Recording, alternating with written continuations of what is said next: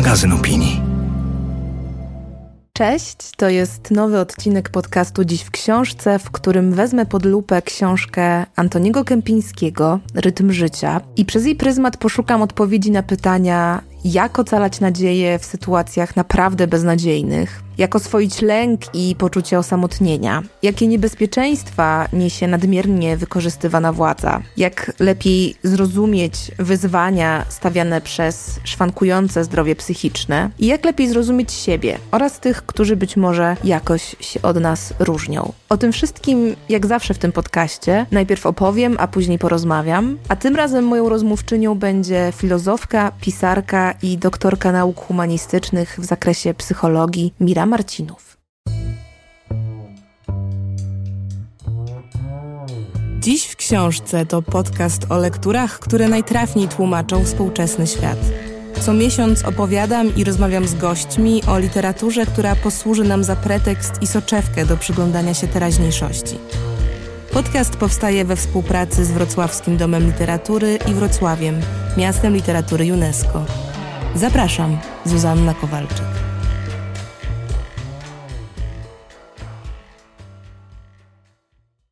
Istnieje naprawdę długa lista powodów, dla których tematy lęku, samotności, nadziei, władzy, empatii i w ogóle zdrowia psychicznego są w moim odczuciu i dla mnie jakoś szalenie aktualne i ważne. I poza osobistymi powodami znajduję mnóstwo powodów, że tak to ujmę, natury publicznej. Ponieważ powiedzieć, że ostatnie półtora roku pandemii nas doświadczyło i przeczołgało, to właściwie nic nie powiedzieć powiedzieć, że temat ograniczenia wolności i szkodliwych mechanizmów nadmiernie wykorzystywanej władzy dotyczy nas obecnie w wymiarze społeczno-politycznym, to nic nie powiedzieć. Powiedzieć, że Polacy mają problem z chorobami psychicznymi, takimi jak depresja, uzależnienia, nerwica, a do tego mają niską świadomość i ograniczoną dostępność leczenia w zakresie zdrowia psychicznego, to też nic nie powiedzieć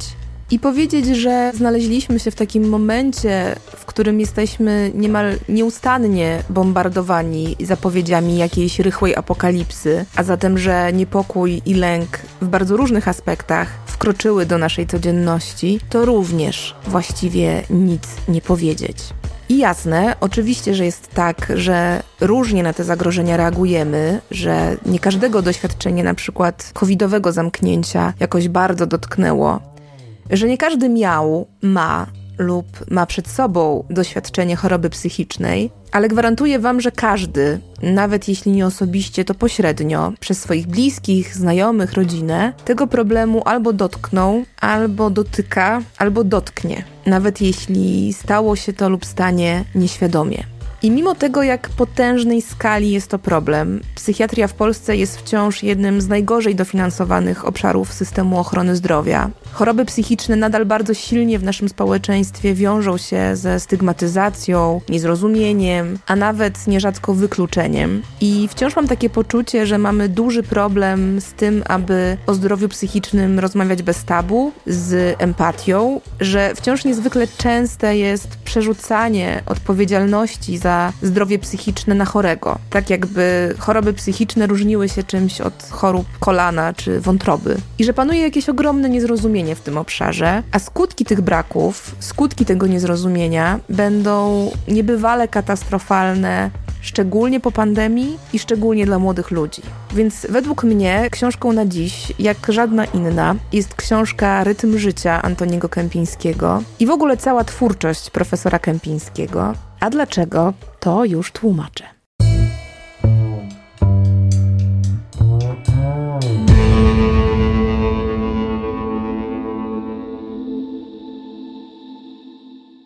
Antoni Kępiński był jednym z najbardziej wybitnych i zasłużonych polskich psychiatrów i filozofów. Jak nikt inny łączył właśnie wiedzę psychiatryczną z humanizmem, medycynę z filozofią, naukę z empatią i właściwie między innymi dzięki tej wrażliwości i niezwykle silnym nakierowaniu na dobro pacjenta był jednym z najbardziej rewolucjonizujących lekarzy dla polskiej psychiatrii. Kępiński urodził się w 1918 roku, zmarł w roku 1972, więc jego życie w oczywisty sposób naznaczyła wojna. Wojna zresztą przerwała jego studia lekarskie na Ujocie, które kończył po wojnie. Brał udział nie tylko w kampanii wrześniowej w 1939 roku, ale też na przykład w kampanii francuskiej w roku 40, a później był internowany w hiszpańskim obozie koncentracyjnym Miranda del Ebro. I to doświadczenie było jednym z ważniejszych i najsilniej rzutujących na jego późniejszą działalność, ponieważ Kępiński całe swoje późniejsze życie poświęcił przede wszystkim tematowi traumy poobozowej i pracy z ocalałymi z obozów koncentracyjnych. Co prawda, obóz, w którym przebywał sam Kępiński, choć był urządzony na kształt obozów niemieckich, to jednak nie był obozem śmierci, ale niemniej to doświadczenie tak mocno uwrażliwiło Kępińskiego na sytuację osoby uwięzionej, osoby upodlonej, na wszelkie próby deptania ludzkiej godności, że właśnie to, ta niezgoda na odbieranie ludziom ich człowieczeństwa, na odbieranie ludziom wolnej woli, bardzo silnie naznaczyło jego późniejszą ścieżkę lekarską i filozoficzną książce, o której dziś chcę mówić najwięcej, czyli Rytmie Życia, która jest zbiorem esejów właśnie z pogranicza filozofii i psychiatrii, ten temat obozowy jest bardzo silnie obecny i stanowi taki kluczowy dla Kępińskiego punkt wyjścia do rozważań nad rozmaitymi patologicznymi formami ludzkiego postępowania, zarówno w kontekście tych, którzy w obozach zamykali, jak i tych, którzy w obozach byli zamknięci. Nie należy zapominać, że jeszcze do niedawna, bo w okresie międzywojennym, większość psychiatrów i psychologów negowała istnienie wolnej woli. Tymczasem w sytuacji maksymalnego chyba zniewolenia człowieka i zdeptania jego godności, wolności wyboru, wola przeżycia odgrywała decydującą rolę. I może wydawać się to paradoksalne, że ci, którzy byli w sytuacji krańcowej, potrafili jeszcze powiedzieć ja chcę lub ja nie chcę. Natomiast ich prześladowcy w sytuacji materialnie i moralnie bez porównania lepszej powiedzieć tego nie potrafili. Prawdziwie żywymi ludźmi w obozie byli ci, którzy znajdowali się na granicy śmierci, a ci, którzy na swych czapkach nosili trupie czaszki, byli nie żywymi ludźmi, ale automatami. Antoni Kępiński, esej Oświęcimskie refleksje ze zbioru Rytm życia. Ale rytm życia to nie tylko kontekst wpływu zagłady na ludzką psychikę, z którego niemniej zadziwiająco wiele możemy wyczytać dla siebie dzisiaj, ale jest to w ogóle taki szerszy namysł nad pozycją człowieka w świecie, nad relacjami w społeczeństwie, nad w sumie sednem ludzkiej egzystencji, wyzwaniami cywilizacyjnymi, takimi kwestiami jak starość, alkoholizm, czy chociażby zbawienny wpływ psychoterapii. I w tym sensie książka Rytm Życia wydaje mi się najbardziej symptomatyczna dla twórczości Kępińskiego, bo jest właśnie tak eklektyczna jak sam Kępiński, który czerpał z wielu źródeł, podejmował bardzo różne tematy i łączył pozornie odległe sobie obszary.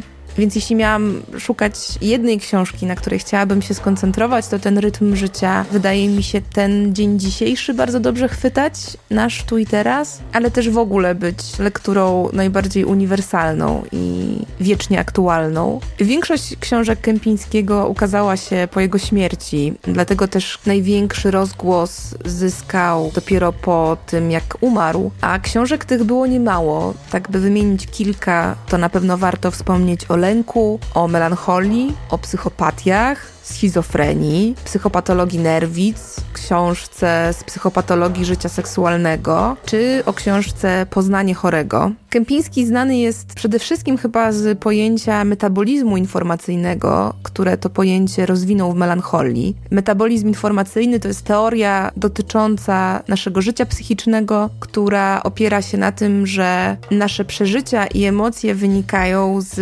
symbolicznej wymiany informacji z naszym otoczeniem, ale tego typu wnioski miały dla Kępińskiego zawsze wymiar nie tylko naukowy, ale właśnie też egzystencjalny. Więc zajmował się z jednej strony chorymi psychicznie i bardzo mocno stawiał na uczenie empatii wobec nich. Z drugiej strony zajmował się rolą lekarza i personelu medycznego w procesie zdrowienia pacjentów i tu bardzo aktywnie starał się rozbijać właśnie wszelkie szkodliwe relacje władzy czy odbierania pacjentom ich podmiotowości, wskazując tak bardzo usilnie na rolę współpracy, dialogu, zrozumienia, nawiązywania relacji zaufania w miejsce zarządzania drugim człowiekiem czy patrzenia na niego z góry.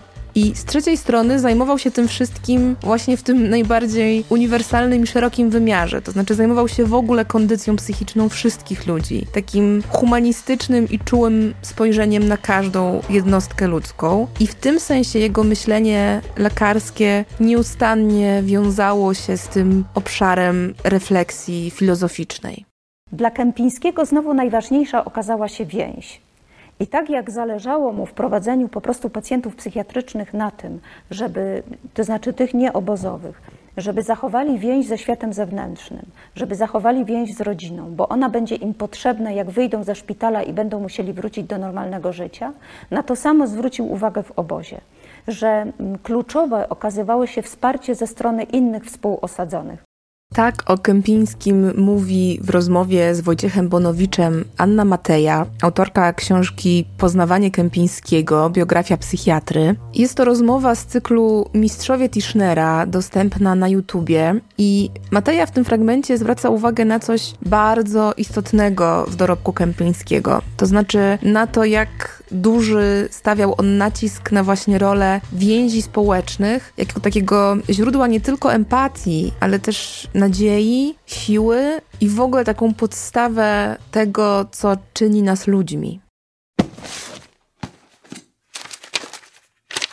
Większość byłych więźniów i autorów jest zgodna co do tego, że o przetrwaniu decydowała chęć przeżycia, wiara, że obóz nie będzie trwał wiecznie, możliwość oparcia się o kolegów i przyjaciół. Człowiek, który się załamał, zwykle ginął. Antoni Kępiński, esej Koszmar ze zbioru Rytm Życia kontekście rytmu życia i jej aktualności, jej uniwersalności, tego, co możemy wyczytać z tej książki użytecznego dla siebie dzisiaj, to tych wątków jest naprawdę niebywale dużo, ale chyba tym najważniejszym jest właśnie wskazanie źródeł nadziei w sytuacjach zupełnie beznadziejnych. Przynajmniej dla mnie to jest jakaś najbardziej krzepiąca myśl, którą Kępiński podaje. I choć Kępiński pisał przede wszystkim o tym doświadczeniu obozowym, to jednak wiele jego myśli wydaje mi się trafnych w odniesieniu do wszelkich przeżyć i doświadczeń traumatycznych, w tym również myślę, że dla wielu w kontekście niedawnych doświadczeń pandemicznych. Posłuchajcie na przykład tego fragmentu. Sytuacja niezwykła budzi zawsze uczucie lęku, które można określić jako dezintegracyjny gdyż wywołany jest zaburzeniem istniejącej struktury interakcji, jaka wytworzyła się w ciągu życia między jednostką a jej środowiskiem. Wprawdzie w ciągu życia stale styka się z czymś nowym i niezwykłym, dzięki czemu struktury interakcji z otoczeniem wciąż zostają burzone i budowane na nowo. To jednak nigdy na ogół nowe nie jest całkowicie nowe. Wiele jest w nim elementów znanych, tak, że w niezwykłej nawet sytuacji nie staje się całkowicie bezradnym. Istnieje jednak pewna granica tolerancji na niezwykłość, to jest na to, do czego nie jest się przyzwyczajonym, poza którą występuje reakcja paniczna, strachu i bezradności. Przy tym jedno wzmaga drugie. Uczucie paniki paraliżuje celową aktywność, a niemożliwość działania wzmaga lęk. Antoni Kępiński, esej Koszmar ze zbioru Rytm Życia. W moim odczuciu jest to doskonałe wytłumaczenie tego, co dzieje się z człowiekiem w momencie doświadczenia traumy, czy w ogóle doświadczenia czegoś, co przerasta jego zdolności poznawcze i, jego jakąś pojemność i odporność psychiczną. Ale Kępiński w tych refleksjach nie kończył na diagnozie. On właśnie zawsze szedł w stronę dalszych wniosków, czyli co nam to robi, jak nas te mechanizmy krzywdzą, jak kształtują rzeczywistość społeczną, co to mówi w ogóle o nas, ludziach. Zagadnienie porządku wiąże się integralnie z problemem władzy.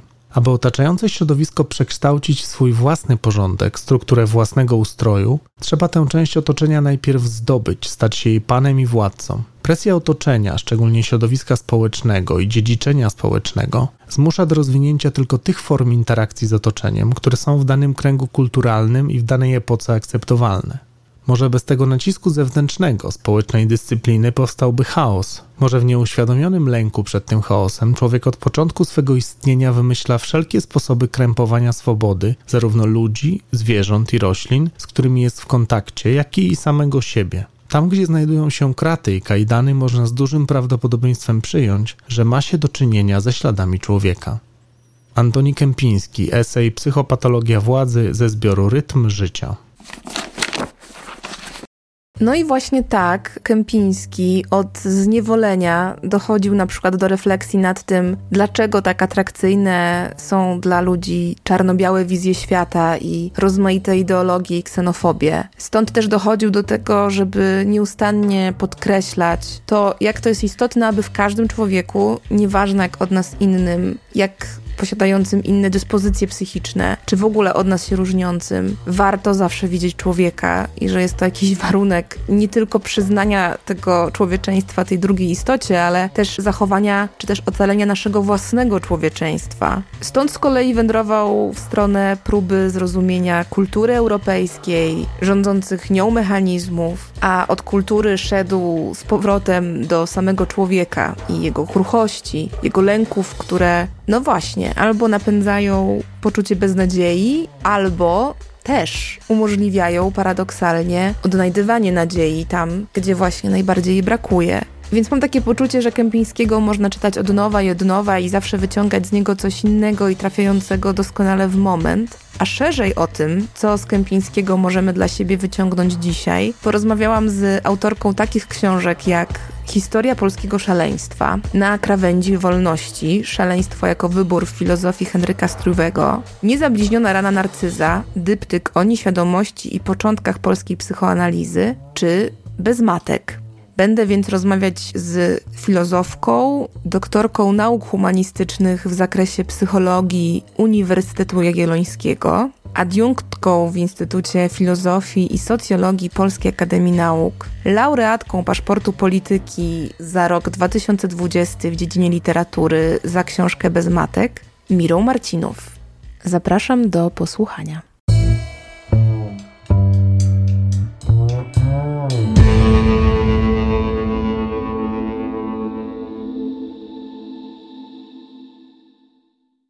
Jeszcze raz ogromnie dziękuję za przyjęcie zaproszenia, znalezienie czasu i chęć podjęcia się tej rozmowy, w której trochę chciałabym odkopać z zamętów niepamięci Antoniego Kępińskiego. I chciałabym zacząć od pytania o Pani osobisty stosunek do dzieła, dorobku, lekcji Antoniego Kępińskiego.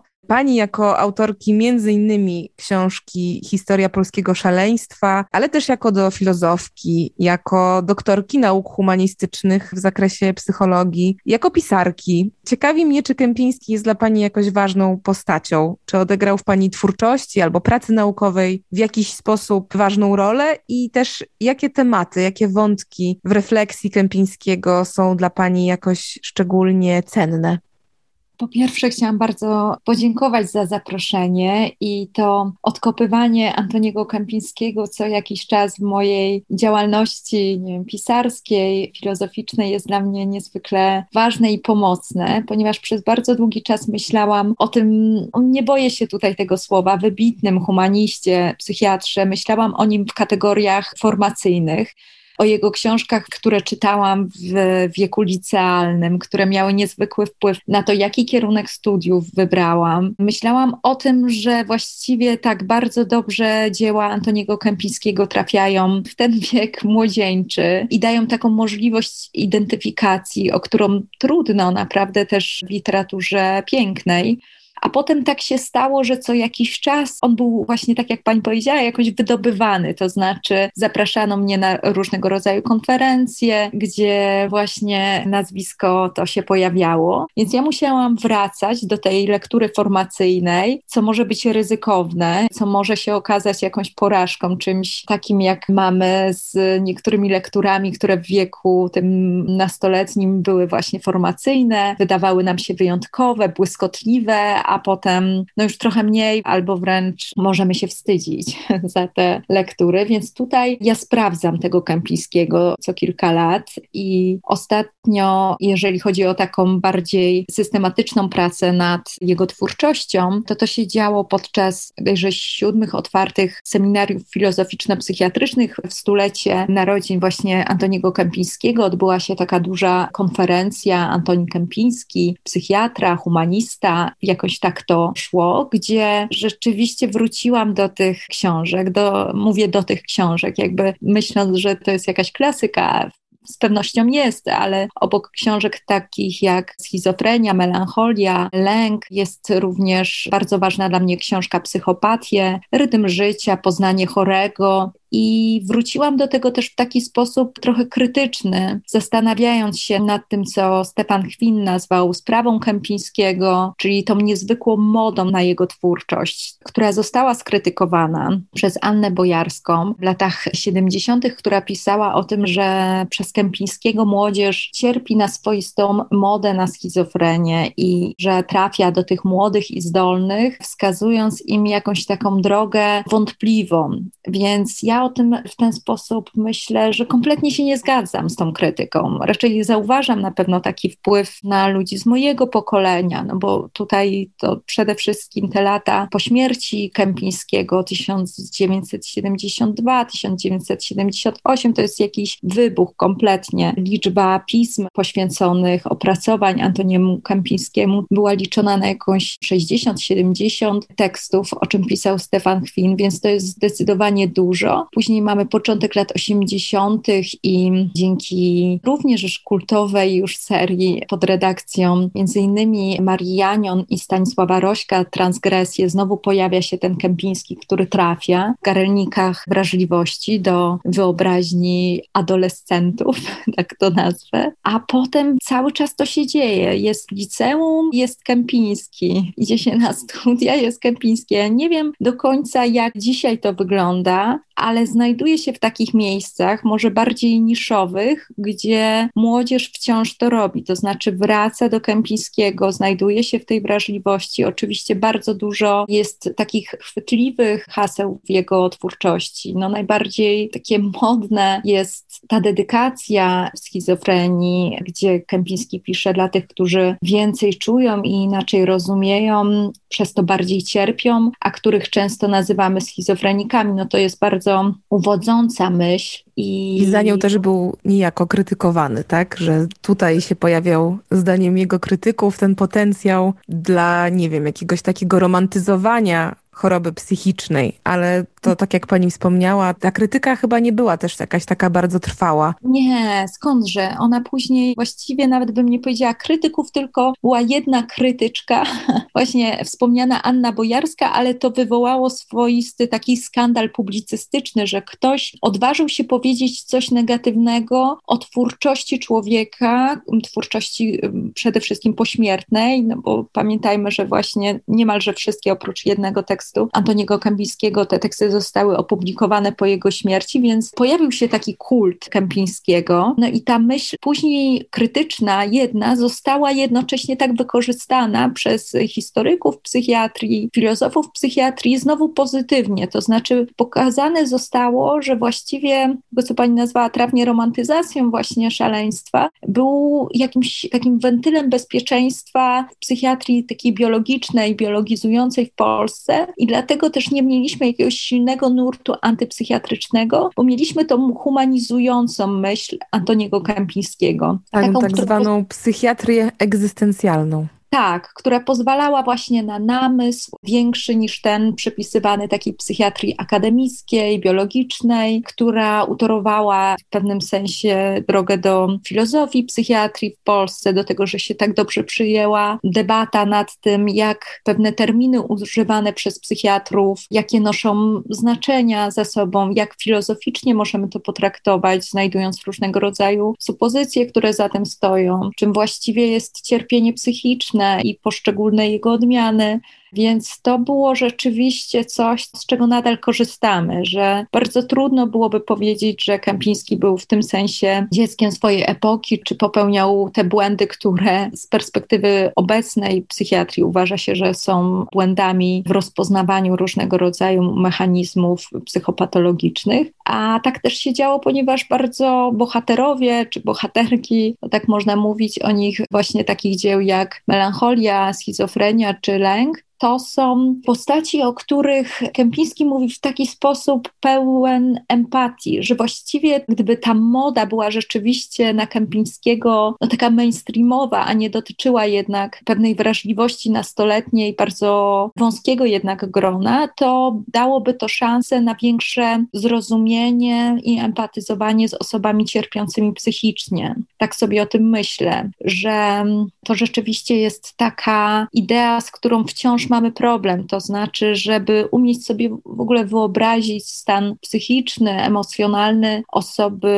z zaburzeniami psychicznymi. I żeby no nie i... stygmatyzować tych chorych. Tak, więc tutaj to była ta praca, która się odbyła i która rzeczywiście w pewnych kręgach jakby utorowała taką możliwość myślenia, w ogóle wyobrażenia sobie tego, czym cierpienie psychiczne jest i właśnie tak jak powiedziałam też empatyzowania, bo to się wydaje niezwykle ważne, jeżeli myślimy o tym fenomenie prac Antoniego Kępińskiego. No a poza tym jeszcze to, w jaki sposób zostało to napisane, to, że w latach 70. Kępiński był nazywany naszym Dostojewskim, no to może to już jest jakieś nadużycie, ale jednak gdzieś ta możliwość właśnie odniesienia się do własnego doświadczenia, czytając o tych bohaterkach i bohaterach tych wspomnianych książek, ma też taką siłę właśnie identyfikacji, którą zwykle daje literatura piękna. Chociaż nawet bym nie chciała w tym przypadku tych rozróżnień wprowadzać na jakąś fachową właśnie literaturę i literaturę piękną, bo tu to się ładnie zazębia.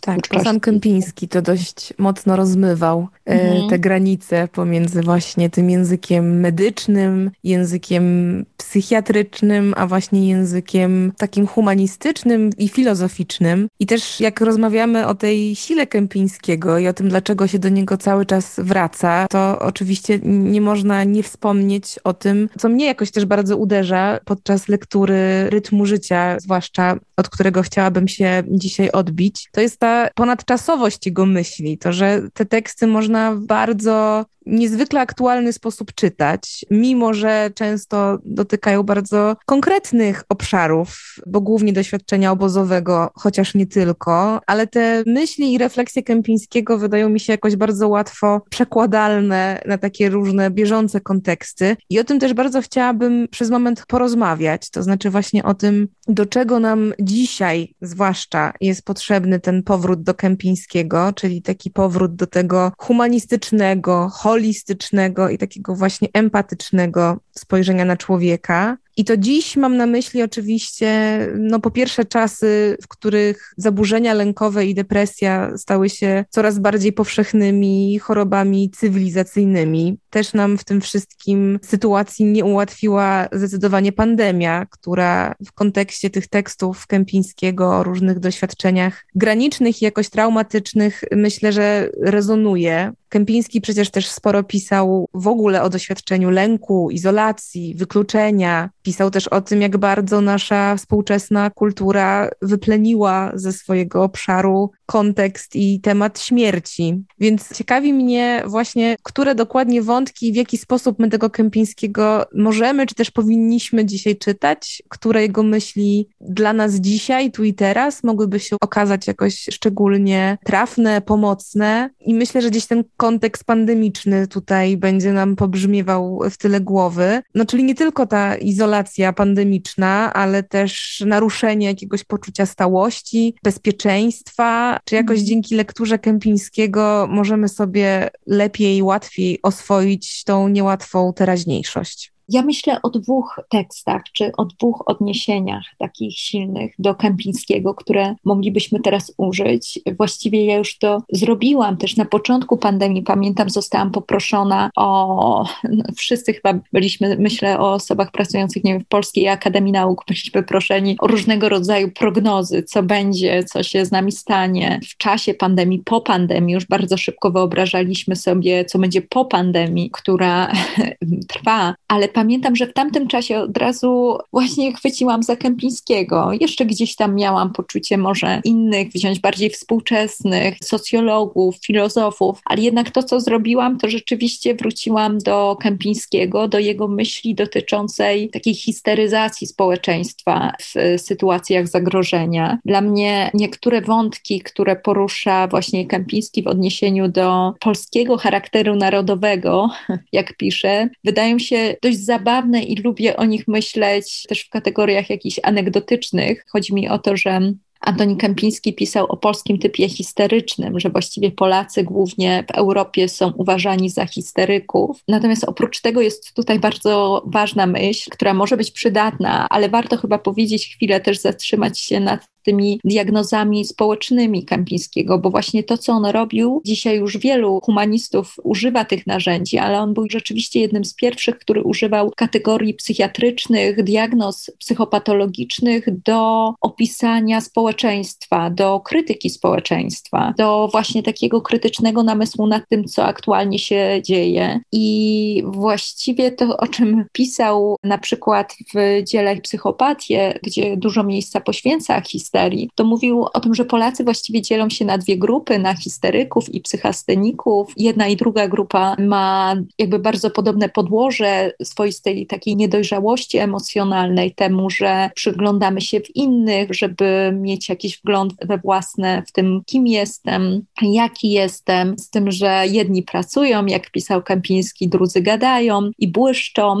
To miał być ten podział właśnie na tych histeryków, powiedzmy intelektualistów, na to mieszczaństwo i na tych psychasteników chłopów, czyli na tą Polskę pańską i chłopską. Później zresztą wielu badaczy mniej lub bardziej wprost się właśnie do tego konceptu odwoływało. Natomiast w tym histerycznym jakby nastawieniu do różnych działań było bardzo dużo też z tego, w jaki sposób reagujemy na sytuację zagrożenia i też pod wpływem no, doświadczenia obozowego, o którym też zaraz bym chciała powiedzieć, Antoniego Kępińskiego. On mówił o tym, że właściwie bardzo bohatersko Polacy zachowują się w takich sytuacjach zagrożenia na tle innych narodowości. Natomiast to, co jest właściwe dla takiej histeryzacji właśnie społeczeństwa w sytuacjach kataklizmów, wspominał również o epidemiach, wojnach, to jest sytuacja takiego regresu, infantylizacji, tego, że szukamy jakiejś silnej postaci, którą możemy utożsamić, powiedzmy, z ojcem. To jest taka myśl mocno, byśmy powiedzieli, psychoanalityczna. Szczególnie szukamy osoby, która przekonuje nas o swojej wszechmocy, więc bardzo łatwe to są czasy wtedy dla zachwiania demokracji, co możemy obserwować i właściwie jak sytuacja zagrożenia powoduje, że chcemy po prostu być w tej sytuacji jednak dziecka, które trzyma się blisko tego silnego rodzica, nawet za cenę własnej wolności. Co zresztą też, gdy wchodziły pierwsze obostrzenia, było bardzo widoczne, że w innej sytuacji, gdyby to nie dotyczyło sytuacji właśnie zagrożenia, to byśmy na te ograniczenia nie przystali, co wydaje się bardzo zgodne z jakimś też tutaj mechanizmem przetrwania, ale co jednak jest bardzo niebezpieczne. Więc o takiej terapii Polaka, terapii histeryka, tak to opisuje Kępiński, dużo o tym pisał, to znaczy w jaki sposób teraz uświadamiać, jak powiększać to pole świadomego, jak dawać też taką przestrzeń temu Polakowi histerykowi na akceptację, na lubienie tych cech, łącznie z tą teatralizacją, przesadą, trochę też powierzchownością uczuć i tak dalej. I to jest jedna przestrzeń, którą bym tak lekko zarysowała, bo ona jest znacznie bardziej skomplikowana, wydaje mi się, niż druga, która rzeczywiście znalazła swoje też jakieś potwierdzenie u zachodnich badaczy. To znaczy, że Antoni Kępiński wraz z swoimi pracami na temat syndromu KZ, czyli syndromu poobozowego, jak bardzo bliski był temu, co później zostało nazwane zaburzeniem psychicznym o nazwie zespół stresu pourazowego PTSD i jak wiele ma to wspólnego, to znaczy wspomniany przez panią lęk, rozchwianie, czy właściwie załamanie psychiczne pod wpływem bardzo silnie stresującego czynnika, który jest trudny dla danej osoby, jest no nie do zaakceptowania i pojawia się później w różnego rodzaju flashbackach, nawracającym poczuciu zagrożenia, lęku, napadach paniki i tak dalej, jest charakterystyczny dla sytuacji traumatycznej, ale tutaj w tym znaczeniu psychopatologicznym, a nie takim potocznym, czyli naprawdę bardzo przekraczającego nasze możliwości poznawcze i emocjonalne czynnika stresującego. I tutaj to, w jaki sposób właśnie w tekstach oświęcimskich, ale również w kolejnych swoich tekstach Kępiński mówi, w jaki sposób wygląda terapia osób z tym syndromem KZ poobozowym. Możliwe, że będziemy mówić o czymś takim również w kategoriach pandemii, postpandemicznych zaburzeniach, które są związane też z jakimś olbrzymim wyczerpaniem, narastającym napięciem. Naprawdę to są takie i tak dalej objawy, z którymi myślę wielu mogłoby się dzisiaj już dzisiaj zidentyfikować. No to tutaj to właśnie podejście do chorego znowu z olbrzymią sympatią, akceptacją, empatią, ale też z konkretnymi środkami czy technikami leczniczymi wydaje mi się bardzo trafne i bardzo przykładalne do współczesności. Natomiast tak dodam, bo bardzo tak mówię dużymi słowami o Kępińskim, a wydaje mi się też istotne to, że właściwie on pomimo wielu wzmianek w literaturze fachowej, zagranicznej, Antoni Kępiński właściwie nie jest, nie mówię, że zupełnie nie jest, ale jak na tą siłę rażenia w Polsce, no nie jest autorem tłumaczonym na przede wszystkim na język angielski, który byłby tutaj bardzo, myślę, ważny dla rozpowszechnienia jego twórczości twórczości. I tutaj mamy jeszcze jakąś taką robotę, czy też tłumacze mają do wykonania, bo naprawdę, jak powiedziałam o literaturze specjalistycznej, myślę też o kognitywistyce, o fenomenologii psychopatologicznej, o naprawdę wielu świetnie rozwijających się dzisiaj dziedzinach, to zwykle pojawia się jakaś wzmianka i nawiązanie do jakichś osiągnięć Kępińskiego, ale to nie jest sięganie do źródeł, tylko do jakichś nazw, jak na przykład metabolizm informacyjny, teoria metabolizmu biologiczno-informacyjnego Kępińskiego i inne jego odkrycia, gdzie jest stawiany właśnie jako pionier, prekursor, natomiast przez właśnie fachowców ta myśl nie jest rozwijana przez ten brak tłumaczeń. No ale tu już zeszłam na nieco inny temat tego, czego brakuje, jeśli chodzi o recepcję Kępińskiego. No tak, bo głównie koncentrujemy się na tym, w jaki sposób sposób ten dorobek Kępińskiego wpłynął na polską psychiatrię mhm.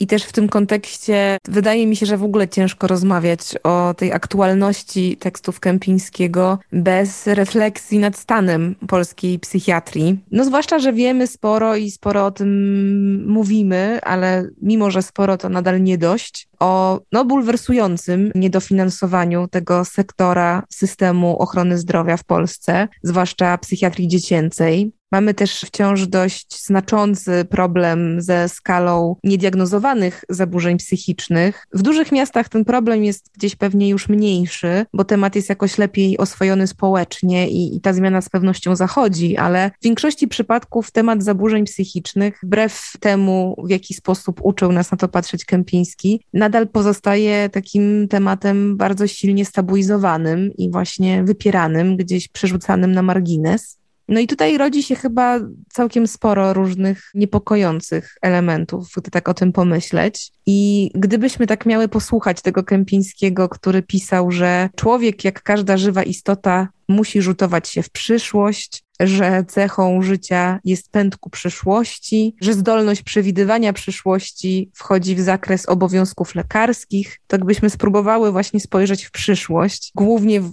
odbiciu od tego, z czym mierzymy się tu i teraz, dokąd zmierzamy przy tym obecnym stanie i wektorze zmian w polskiej psychiatrii i jakie największe zagrożenia z tego wynikają? No, niezwykle trudne pytanie i już nieraz bawiłam się w jakieś prognozy psychiatrii w Polsce i słabo mi to wychodzi, ponieważ to, co widać po jednak takiej czytelniczce, uważnej czytelniczce Kępińskiego, to to, że zostaje przy jakiejś nadziei, więc z nadzieją zwykle wypowiadam się na temat przyszłości psychiatrii w Polsce. No i trochę coraz bardziej urealnia mnie jednak ten pesymistyczny scenariusz zarysowany przez panią, ponieważ naprawdę mieliśmy i mamy nadal różnego rodzaju programy, nie wiem, program zdrowia psychicznego, kongresy psychiatrii, różnego rodzaju ruchy, nie tylko oddolne, również szersze inicjatywy, które nie przynoszą takich efektów, jakbyśmy chcieli. No, z pewnością nie pomogło to, że znaleźliśmy się w ogóle jako społeczeństwo szerzej, nie tylko polskie, no, w kryzysie psychicznym związanym właśnie z między innymi sytuacją pandemii. Więc to, co można robić i myślę, gdzie słuchać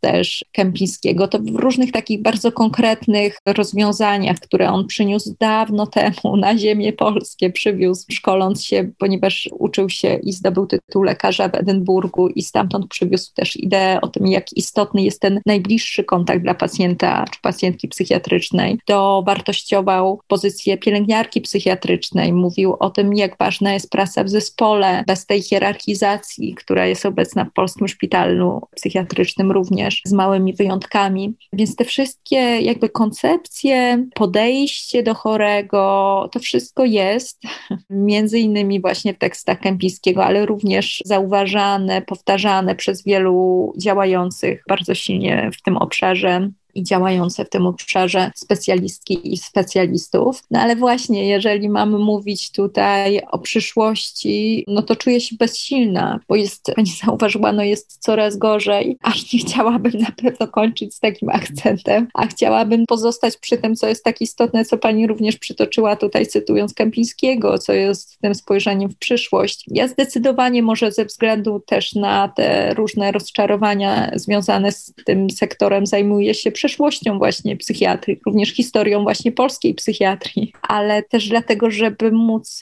myśleć i wyobrażać sobie tą przyszłość, więc myślę o tym na takim najbardziej nam dostępnym obszarze, o tym, żeby z jednej strony właśnie podkreślać problem, który wciąż jest obecny, szczególnie w mniejszych miejscowościach, to znaczy jednak problem związany z tym, że ludzie nie podejmują leczenia psychiatrycznego, psychologicznego ze względu na stygmatyzację z tym związane, czyli to, co trzeba robić, to zmienić język, sposób wypowiedzi, nie używać kategorii zaczerpniętych z psychiatrii jako formę pejoratywnego określenia jakiejś osoby, czy po prostu najzwyczajniej w świecie obrażania poprzez mówienie o chorobie psychicznej, co dodatkowo powoduje cierpienie osób chorujących psychicznie, gdy nazwa na przykład ich choroby jest jednocześnie stosowana do tego, żeby określić okrutną, okropną sytuację polityczną w Polsce, gdy używa się określenia określeń właśnie, że jest to schizofrenia, że ta i tamta osoba jest po prostu chora psychicznie, jako formę właśnie obrażania. Więc myślę o tym najbardziej podstawowym poziomie, chociaż oczywiście to wiele nie zmieni, ale daje już jakąś przestrzeń tego, co już możemy zauważyć, na przykład w Warszawie, gdzie właściwie najmniejszy jest problem, jeżeli chodzi o kwestię związaną z tą otwartością na czerpanie pomocy psychologicznej czy psychiatrycznej, ale to jest naprawdę na jakąś całą debatę na temat tego, w ilu miejscach musielibyśmy użyć jakiej siły, bo na pewno samo czytanie i studiowanie Kępińskiego tutaj nam nie pomoże, choć znowu uwrażliwi i cieszę się, że znowu twórczość Antoniego Kępińskiego jest właśnie omawiana, bo myślę, że to ma siłę, ma siłę taką właśnie uwodzącą, ale nie w tym sensie romantyzowania, tylko otwierania na problemy, które teraz tak bardzo nas czy naszych bliskich dotyczą.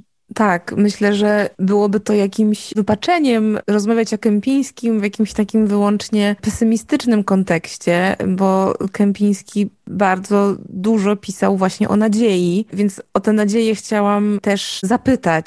Zwłaszcza, że wyciągnęłam sobie fragment z jego tekstu ze zbioru Rytm Życia, zatytułowanego Koszmar, w którym Kępiński napisał tak – większość byłych więźniów i autorów zajmujących się tym zagadnieniem, czyli zagadnieniem doświadczenia obozu koncentracyjnego, jest zgodna co do tego, że o przetrwaniu decydowała chęć przeżycia, wiara, że obóz nie będzie trwać wiecznie, możliwość oparcia się o kolegów i przyjaciół. Człowiek, który się załamał, zwykle ginął. Dla mnie, oczywiście, no te słowa pisał Kępiński w odniesieniu do chyba najbardziej traumatycznego doświadczenia, jakie człowiek jest w stanie przeżyć, bo doświadczenia obozowego, ale myślę, że nie będzie to jakimś wielkim wypaczeniem spróbować wyjąć te słowa trochę z kontekstu i uznać, potraktować, przyjrzeć się im trochę bardziej uniwersalnie, w tym bardziej współczesnym wymiarze. Co możemy z tego Kępińskiego jako takiego apologety nadziei wyciągnąć? Jesteśmy w takim momencie, że cały czas rozmawiamy o tych wszystkich zagrożeniach. Bardzo dobrze, że o nich rozmawiamy, ale tych zagrożeń jest bardzo wiele i ta wizja przyszłości właśnie jawi się dość ciemno, gdy myślimy nie tylko o pandemii, ale też o kryzysie klimatycznym na przykład. No więc właśnie, czego o nadziei i przetrwaniu możemy się z tekstów Kępińskiego uczyć?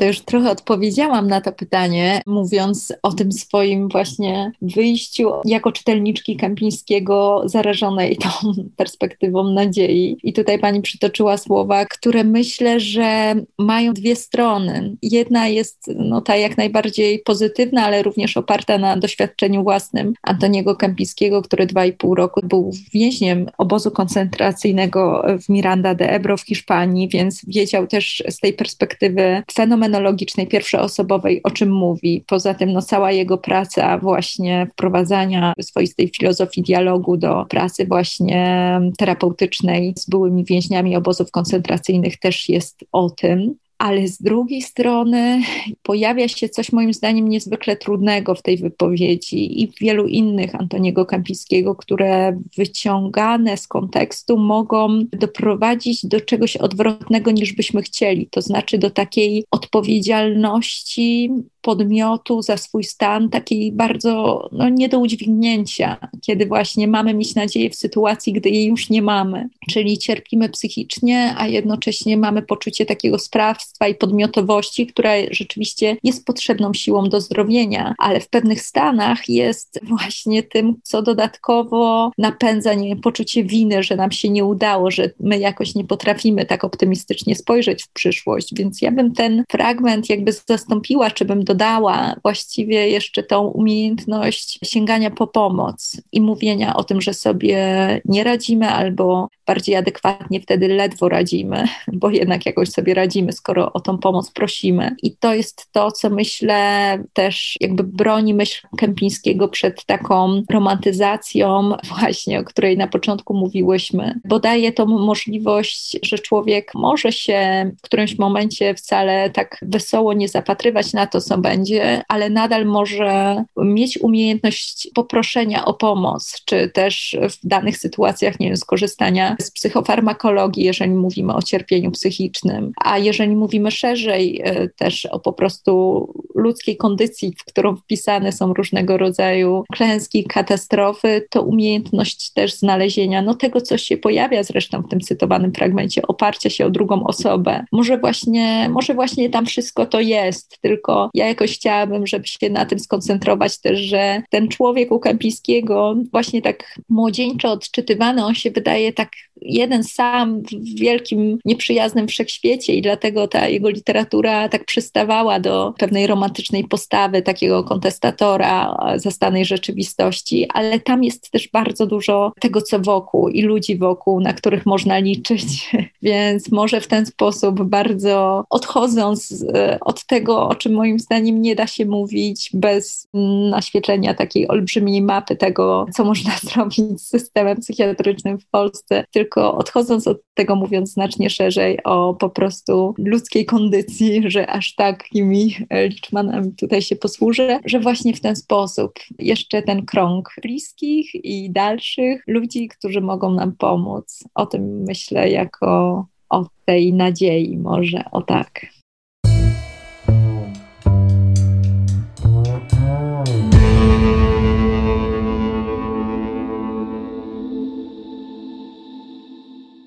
Na koniec każdemu zadaję to samo pytanie, więc zadam je również pani. Czy jest jakaś inna książka, krążąca wokół poruszonego przez nas tematu, którą mogłaby, chciałaby Pani polecić naszym słuchaczom i słuchaczkom? To myślę, że w tym samym kręgu, jeżeli komuś nie jest znana, to powinna być już teraz znana twórczość Kazimierza Dąbrowskiego. To są, nie będę wymieniała konkretnych książek, bo właściwie za wszystko warto chwycić. Może za koncepcję i książkę Dezintegracja Pozytywna najbardziej, ale wydaje mi się, że tutaj mamy takie bliźniacze podobieństwo dwóch, no dla mnie bardzo ważnych, formacyjnych, właśnie jak powiedziałam, myślicieli, psychiatrów, i tutaj bądźcie pozdrowieni psychoneurotycy, niech będzie drugą. Może kiedyś będziemy miały możliwość jeszcze porozmawiania w tym kontekście, co z Kazimierza Dobrowskiego i na ile tutaj romantyzacja jego twórczości jest istotna. Natomiast naprawdę bardzo dużo podobieństw widzę, a jednocześnie naświetlenia innych problemów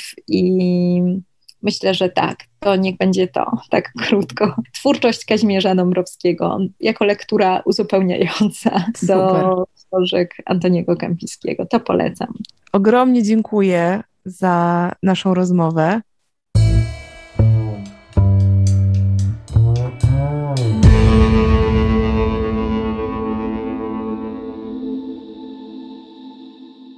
Jest mi bardzo miło, że dosłuchaliście tego odcinka do końca. Mam nadzieję, że znaleźliście w tym odcinku coś choć trochę dla siebie wartościowego i ważnego. Jak zawsze przypominam, że wcześniejsze i kolejne odcinki podcastu Dziś w Książce znajdziecie na kanale podcastowym Pismo do Słuchania, który to kanał jest obecny na platformach Spotify, Apple Podcast, Google Podcast i SoundCloud. Odcinki znajdziecie też na kanale Radio Proza oraz na YouTubie Wrocławskiego Domu Literatury. A ja jak zawsze ogromnie Wam dziękuję i żegnam się słowami do usłyszenia za miesiąc.